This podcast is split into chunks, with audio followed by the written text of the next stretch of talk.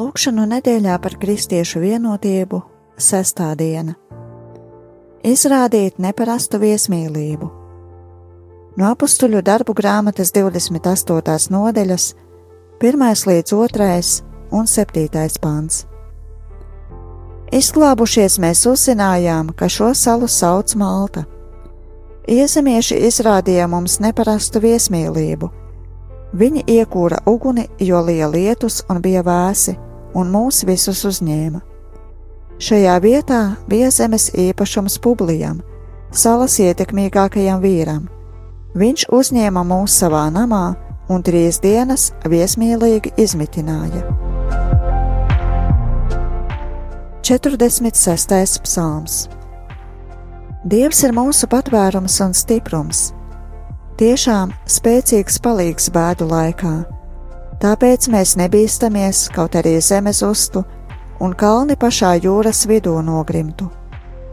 Lai jūras ūdeņi krāts, lai ceļas viļņi, un lai no bangu trakošanas visi kalni dreb. Tas kungs Cebots ir pie mums, mūsu stiprā pils ir jēkaba dievs. Taču dieva pilsētu iepriecina viņas strauti, tie iepriecina viņas svētnīcu, kas visaugstākajam ir par mājokli. Dievs ir šai pilsētā, tās pamati negrīļosies, Dievs tai palīdz jau rītam austot. Tautas trako un valstis krīt, zeme izkūst, kad viņš paceļ savu balsi. Tas kungs Cebots ir ar mums, Jēkaba Dievs ir mūsu stiprā pils.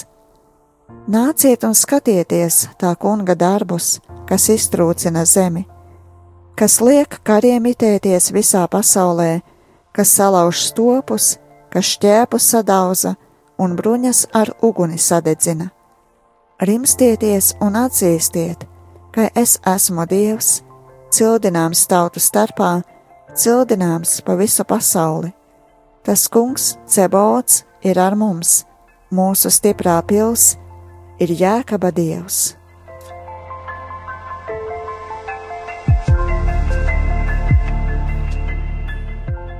No Lūkas evanģēlija 14. nodaļas, 12. līdz 24. pants. Arī uz nama tēvu, kas viņu bija aicinājis, viņš sacīja: Kad tu taisi azaidu vai vakariņas, tad neaicini savus draugus, savus brāļus, savus radus vai bagātus kaimiņus. Kad tie atkal tevi neaicinātu un tu nebūtu to darījis atmaksas dēļ, bet, kad pie tevis ir viesības, tad aicini nabagus, kroplus, tīzlus, aklus, un tu būsi svētīgs, jo viņiem nav ar ko atmaksāt, jo tev būs atmaksa, kad taisnība celsies augšām. Kāds no galda viesiem to dzirdēdams sacīja: Svētīgs, kas ēdīs maize dieva valstībā. Bet viņš sacīja tam, kāds cilvēks taisīja lielu mīlestību un bija ielūdzis daudz viesu un viņš sūtīja savu kalpu ap mīlestības stundu, lai sacītu lūgtajiem viesiem nāciet, jo tas ir sataisīts. Bet tie visi pēc kārtas sāka aizbildināties. Pirmais viņam sacīja: Es esmu tīrumu pircis, un man jāiet apskatīt, lūdzu aizbildini mani. Otrs sacīja: Es esmu piecus jūgus vēšu pircis, un eju tos aplūkot, lūdzu aizbildini mani. Trešais teica: Es sievu esmu apņēmis, tāpēc nevaru noiet. Kalps pārnācis to atsacīja savam kungam.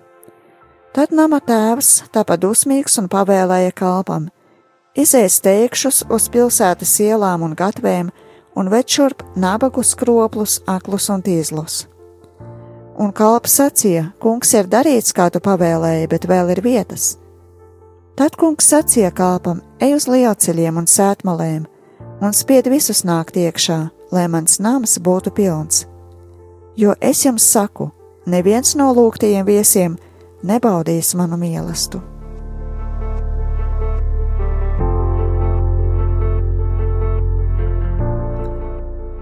Pēc vētras laikā piedzīvotajām bailēm un pēc strīdiem, kas izcēlās uz kuģa, Uzmanības pilnās rūpes no salas iedzīvotāju puses katastrofā cietušie uztvēra, kā neparastu viesmīlību. Šī laipnība ir mūsu kopējā cilvēciskuma apliecinājums.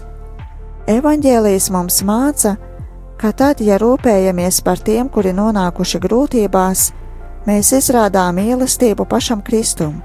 Salīdzināt Mateja 25, 40.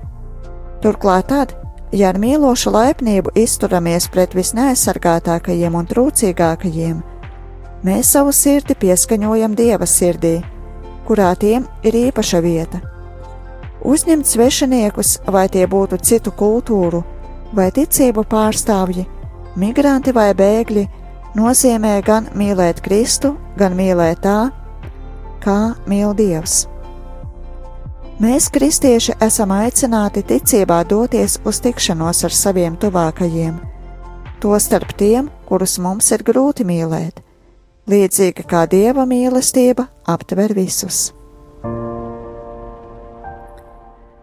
Bāriņu, atraitņu un svešinieku dievs, liec mūsu sirdī dziļu viesmīlības izjūtu, atver mūsu acis un sirdi, kad tu lūdz, lai mēs tevi pāēdinām, apģērbjam un apmeklējam. Dari, lai mūsu baznīcas iesaistītos cīņā pret badu, slāpēm un izolāciju, un visu to šķēršļu likvidēšanā, kas mums traucē pieņemt visus cilvēkus. Mēs to lūdzam, piesaucot tavu dēlu, Jēzu, kas ir klātesošs tavos vismazākajos brāļos un māsās. Amen!